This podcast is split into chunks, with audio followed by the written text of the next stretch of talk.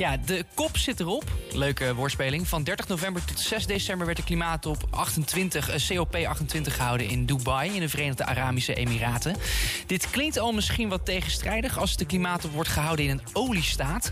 Maar het werd extra bijzonder toen ook de voorzitter van de klimaattop, Sultan Ahmed Al-Jabar, eh, bleek te zijn. Deze sultan is namelijk ook het hoofd van de staatsoliebedrijf van de Emiraten. Nou, toch zijn er historische afspraken gemaakt over de ambitie om duurzame energie te verdrievoudigen en fossiele brandstoffen uit te faseren. Vooral de laatste 48 uur was het spannendst, eh, waarbij het nog onzeker was of het statement over de uitfasering van fossiele brandstoffen eigenlijk nog wel in eh, de statement zou komen. Eh, welke invloeden gingen er allemaal schuil tijdens de COP en stond de Nederlandse delegatie erin? En hoe bereid je zo'n grote top nou eigenlijk voor? Nou, om hierover te praten is Kiki Ritmeijer ehm, via de telefoon. Kiki, hoor je mij? Ja, ik hoor je. Top.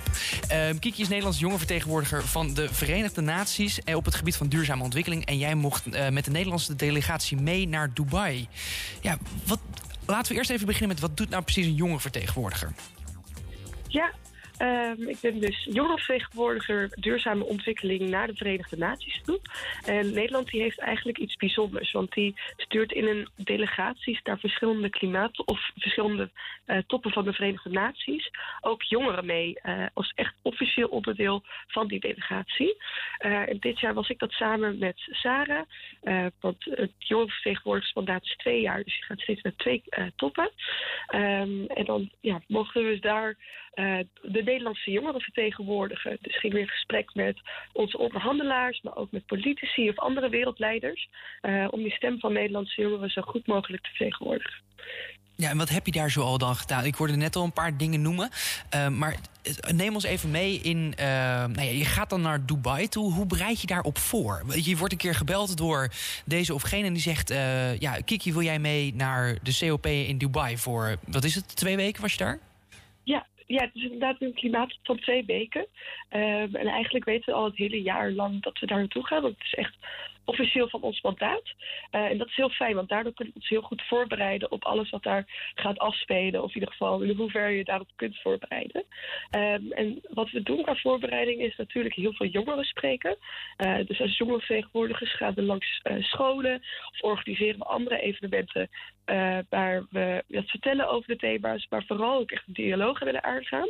Om op die manier erachter te komen van, oh, dit zijn de meningen en ideeën die spelen onder Nederlandse jongeren. En vervolgens nemen wij dat mee naar die klimaattop. En hoe we dat daar verkondigen is eh, één door de onderhandelingen te volgen. Eh, dus er worden op heel veel verschillende onderwerpen eh, wordt er onderhandeld over hoe gaan we klimaatverandering tegengaan. En Heb je hoe gaan bijvoorbeeld we een paar onderwerpen die dan worden besproken? Ja, één onderwerp is, onderwerp is dus de eh, energie. En vooral eh, noemen we dat mitigatie. Dus hoe gaan we eh, de broeikasgassen of de emissies die, daar, eh, die bij het verbranden van fossiele brandstoffen vrijkomen, hoe gaan we dat reduceren? Mhm. Ehm, en dat ja, kan op heel veel verschillende manieren en op heel veel verschillende vlakken.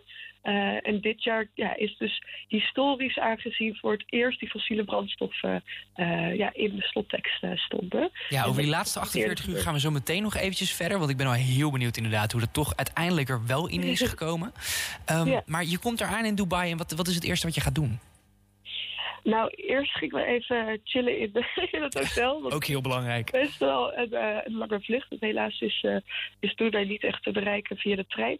Ehm, en dan om zeven uur 's ochtends pakken we vanaf het hotel de shuttlebus eh, naar eh, het kopterrein. En het terrein was op de World Expo eh, van 2020 was daar volgens mij. Mhm. Dus dat was het terrein dat daarop heel goed op wat was afgericht. En dan maakten we hele lange dagen. Dus iedere ochtend begonnen we met een delegatieoverleg. Vertelde iedereen die onderhandelt op een ander thema even wat de updates zijn, wat de belangrijke ontwikkelingen zijn. Wie zijn er zo al bij? Ja, ja, daar zaten Sarah en ik ook bij. Dus Ja. we waren echt officieel onderdeel van de delegatie. En wie nog meer dan? eh, eh, moet ik denken aan ministers, eh, staatssecretarissen, DG's, andere lobbyisten? Ja, het zijn voornamelijk uh, beleidsmedewerkers van uh, de ministeries. Uh, van allerlei verschillende ministeries. Dus van Economische Zaken en Klimaat, maar ook van Buitenlandse Zaken, van Infrastructuur en Waterstaat. Uh, en zij sturen dus allemaal mensen van de ministerie die expert zijn op een bepaald thema. en die vormen dan samen zo'n delegatie. De delegatie heeft ook een hoofd. En de ministers die ook aanwezig zijn op de klimaattop, om vooral in de tweede week, die sloten ook zo duur dan aan om, uh, om die updates te horen en te, ja, te ondersteunen waar, uh, waar nodig. -hmm. En wat hebben jullie daar dan voornamelijk gedaan? Jongerenparticipatie onder andere denk ik vormgegeven. wat voor stem hebben jongeren daar eigenlijk? Ja, nou dit jaar um, was er best wel veel aandacht besteed aan jongerenparticipatie. En dat was heel erg mooi, want daardoor kregen wij jongeren ook echt een plekje aan de tafel. Niet alleen dus wij jongerenvertegenwoordigers, maar ook andere jongeren een plekje aan de tafel om mee te besluiten of mee te praten over uh, die onderhandelingen. Um, en dat was bijvoorbeeld gedaan door een Youth Day te organiseren. Dus één dag uh, in de twee weken, die stond ook echt in het teken van jongeren. En dat zag je doordat er heel veel evenementen uh, werden georganiseerd die ook in het teken stonden van wat vinden jongeren, hoe, uh, ja, wat zijn hun meningen en ideeën en hoe kunnen we ervoor zorgen dat jongeren een betere en dan ook een geïnstitutionaliseerde plek krijgen op zo'n klimaattop. En is dat een beetje gelukt? Hebben, we, hebben jongeren een, een, een plek gekregen op die klimaattop?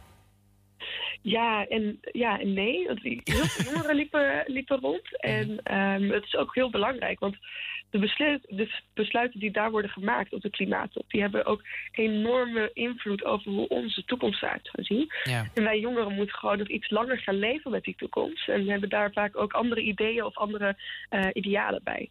Um, en je zag wel dat veel Europese landen uh, voortaan jongerenparticipatie niet alleen voor de vorm doen, maar ook echt hebben geïnstitutionaliseerd. Dus hen een positie geven en vooral ook de kennis en kunde om überhaupt mee te kunnen praten. Want het is best wel ingewikkeld, al die, uh, al die onderwerpen en heel dat proces. Maar toch ook vaak zie je nog wel dat er of landen helemaal geen jongeren sturen. Of dat er nog sprake is van tokenism. En dat ja. betekent dat jongeren. Uh, Voor de liefhebbers, participatieladder van Arnstein. Even leuk om te googlen. Ja. Dan weet je ook een beetje waar dit vandaan. Maar tokenisme is dus eigenlijk een vorm van participatie. wat niet helemaal. Ja, waar eigenlijk niet echt een stem in zit. Nee, precies, dat het niet waardevol is. Exact. En uh, ja, je kunt wel heel leuk. Uh, dit jaar waren er 110.000 mensen aanwezig uit mijn hoofd op de klimaattop. Wow. Dat is echt enorm veel. Um, en ja, nou, het is supergoed dat heel veel mensen een mening mogen hebben en mee kunnen praten um, in de, ja, over de besluiten die daar worden genomen. Maar dan is het ook wel belangrijk dat de mensen die daar aanwezig zijn, zeker omdat je ook met het vliegtuig daar naartoe gaat en allemaal weer uh, daar ook op een bepaalde manier leeft, dat mm -hmm. je wel een waardevolle manier Ja, en jullie, jij bent natuurlijk veel opgetrokken ook met de Nederlandse delegatie daar. Natuurlijk iedere ochtend uh, dat je met de hele delegatie ook ging overleggen wat er allemaal gebeurt. Um, ja. ja. wat heeft Nederland daar eigenlijk te zoeken bij zo'n klimaatop? Wat, wat zijn onze belangen en, en, en waarvoor zijn wij daar voornamelijk uh, naartoe gegaan? Ja, uh, misschien goed om te weten dat Nederland uh, onderhandelt als blok samen met de andere EU-landen. Dus, uh, of beter gezegd, de EU die handelt, onderhandelt als blok. Mm -hmm. En dat is ook wel heel bijzonder om te zien, want ook al dat Onder leiding van Bob vaak... Hoekstra nu. Ja, ja. Exact. En uh, onder ja, ondanks dat heel veel EU-landen uh, ook heel erg uiteen liggen qua wat ze willen rondom het klimaat of wat hun eigen belangen zijn, lukt het toch om één, um, ja, één stem te vertegenwoordigen. En EU die spreekt dan ook van, altijd namens, uh, van, ja, met één stem en dan namens de 27 lidstaten. Um, en wat je zag is dat de EU wel uh, vergeleken met andere landenblokken die ook onderhandelen, best wel progressief is. En dat ja, ik wel heel erg mooi om te zien. Uh, dat je niet daar alleen maar bent voor je eigen idealen, maar dat de EU-landen ook wel echt heel progressief waren op bijvoorbeeld het uitfaseren van fossiele brandstoffen um, of uh, andere, uh, andere standpunten. Uh, en wat Nederland ook te bieden heeft, is heel veel kennis en kunde naast dus gewoon die onderhandelingen. Want uiteindelijk moeten van 198 landen een handtekening onder de slottekst staan. Um, maar ook wordt er op zo'n kop heel veel kennis uh, gedeeld. Mm -hmm. En Nederland, ja, waterland, heeft heel veel kennis over hoe we ons kunnen gaan opwassen uh, tegen het veranderende klimaat en dan vooral de gevolgen van water daarin. Um, dus dat, uh, dat zag ik ook wel veel.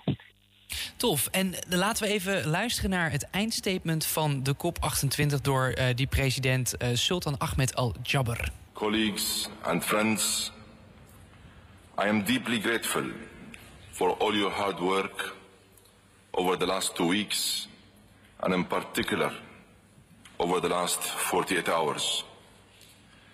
Through the nights and the early hours of the morning, we worked collectively for consensus. Ja, natuurlijk staande ovatie, heel veel geklap en uh, gejuich zelfs ook bijna. Uh, wat gebeurde nou eigenlijk in die laatste 48 uur? Kan je er ons een beetje wat meer over vertellen? Ja, dat was heel bijzonder. Want die twee weken lang maak je echt al enorm lange dagen en hele korte nachten. Want soms gaan die onderhandelingen echt door tot diep in de nacht. Dus aan het eind van de twee weken is iedereen uh, ja, al heel moe. Maar begint de urgentie van, ja, we moeten uiteindelijk toch echt met een gezamenlijke tekst komen. Dat, dat voel je ook wel heel erg opkomen. Ja, want het, het was laatste... ook het feit dat inderdaad die... Um, ik denk, dat, trouwens, dat ga je zo denken vertellen, sorry. Ja, nee, in die laatste 48 uur inderdaad toen uh, kwam er nou een nieuwe tekst online. En dat was al heel de dag een beetje wachten. Want uh, ja, het, het, moment waarop die tekst online kwam, die, uh, die werd steeds verder uitgesteld. Nou, toen uh, kwam de tekst online en heel veel. Ja, ik zat toevallig in het Nederlandse kantoor met heel veel andere Nederlandse onderhandelaars. We openden die tekst. En nou, wat het eerste wat opviel is dat die 21 pagina's was. En we hadden wel geteld twee uur om hem door te lezen. Um, en dan weer, of, of, iets langer. Maar het was heel kort om het door te lezen en uh, vervolgens daar weer over te onderhandelen. -hmm. Um, en het eerste waar heel veel mensen gelijk naar, uh, naar zochten was het woordje fossiele brandstoffen. En op welke manier dat was meegenomen. Dat stond wel in de tekst daarvoor. Ja. Um, en fossiele brandstoffen was dus gewoon helemaal uit de tekst gehaald. Was dat nou een winst dan van de fossiele industrie of van de fossiele lobby? Of wat is er precies gebeurd? Nou, er zijn heel veel verschillende belangen dus van landen die allemaal iets anders willen. Ja. Uh, en de twee landen die, of de twee landengroepen die het meest tegenover elkaar staan, waren inderdaad de OPEC-landen. Dus het, waren, ja, het zijn meer de, de olielanden. oliestaten. Ja. Um, en de uh, eilandstaten, uh, zoals bijvoorbeeld de Marshall Islands of Vanuatu. En die zeggen van ja, als wij uh, geen afspraken maken over het uitfaseren van fossiele brandstoffen, dan bestaan wij er over 20, 30, 40 jaar niet meer. Ja. Dus zij willen hun doodsvonnis niet onderstekenen. Maar ja, die oliestaten die wilden heel graag dat zij op hun, ja, hun ook economie verder kunnen laten groeien met fossiele brandstoffen. Dus ja, die sfeer die toen ontstond was echt heel bijzonder. Want er zijn ook heel veel NG NGO's en andere belangengroepen aanwezig. Die uh, ja, bijvoorbeeld was een Greenpeace of een jonge klimaatbeweging in Nederland dan. Ja, die ook bepaald, ja, bepaalde belangen willen uiten. Mm -hmm. um, en je zag eigenlijk dat er in de Verenigde Arabische Emiraten mag je niet demonstreren. Uh, en het kopterrein is dan van de Verenigde Naties, of dat is een Verenigde Naties grondgebied. Maar toch was het demonstratierecht best wel beperkt. Oh, en vooral die laatste 48 uur, toen die slottekst eruit kwam, mm. toen zag je wel dat er heel veel demonstraties uh, ontstonden. En dan vooral met het thema van uh, die fossiele brandstoffen moeten echt in de slottekst komen. Anders gaan we de anderhalve graad opwarming niet meer halen. Want wat denk je dat de, de doorslag gegeven heeft? Wat, wat was, heeft Nederland daar nog een rol in kunnen spelen? Heeft Wopke Hoekstra het juiste woordje gebruikt? Wat denk jij? Wat, wat, wat zijn de geruchten die er rondgaan? Ja, uiteindelijk is er een mooie middenweg geweest. Dus wat, we wat meer ambitieuze landen wilden in de tekst, dat was het phasing out of fossil fuels. Dus dat is echt uitfaseren. Dat is natuurlijk een wat sterkere tekst dan wat er nu staat. Um, want nu staat er transition away uh, from fossil fuels. En, ja. ja, in Nederland is het een beetje moeilijk te vertalen, maar het is toch een wat minder sterke tekst dan uh, bijvoorbeeld de EU had gehoopt. Ja. Maar ik denk wel, doordat de landen zoals de EU of die eilandstaten uh, zo'n hoge ambitie hadden en hebben daar ook echt aan durven vast te houden, is het uiteindelijk toch in de stoptekst gekomen. ja. Um, Kiki, ja, hoe is zo'n eigenlijk als laatste vraag denk ik ook... zou je dit nog een keer doen of zou je dit aanbevelen ook voor anderen? Uh, wat was voornamelijk jou, jouw gevoel hier bij die, uh, bij die kop? Ja, ik, uh, ik heb het geluk dat ik volgend jaar, wanneer het in Azerbeidzjan is... ook nog een jaartje de jongeren van Nederland mag vertegenwoordigen. Dus ik, ik ga het sowieso nog een keertje doen. Maar het is, ja, het is echt enorm intens. En er wordt enorm hard gewerkt daar. En het is heel bijzonder om alles wat je in het nieuws ziet, of uh, wat ik bijvoorbeeld in de collegezalen hoor, om dat echt in het, in het echt uh, mee te maken. Er komen allerlei verschillende culturen en landen samen uh, om het over één gezamenlijk doel te hebben.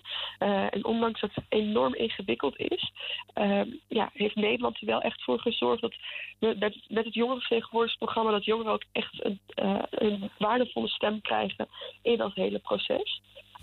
dus ja, ik kan me vooral Um, ja, ik zal andere jongeren vooral, aanmoedigen om op een manier met die klimaat bezig te houden. Of te laten weten wat je vindt aan de mensen om je heen of aan de politiek. Um, want uiteindelijk worden daar de grote besluiten genomen uh, die van invloed zijn op onze toekomst.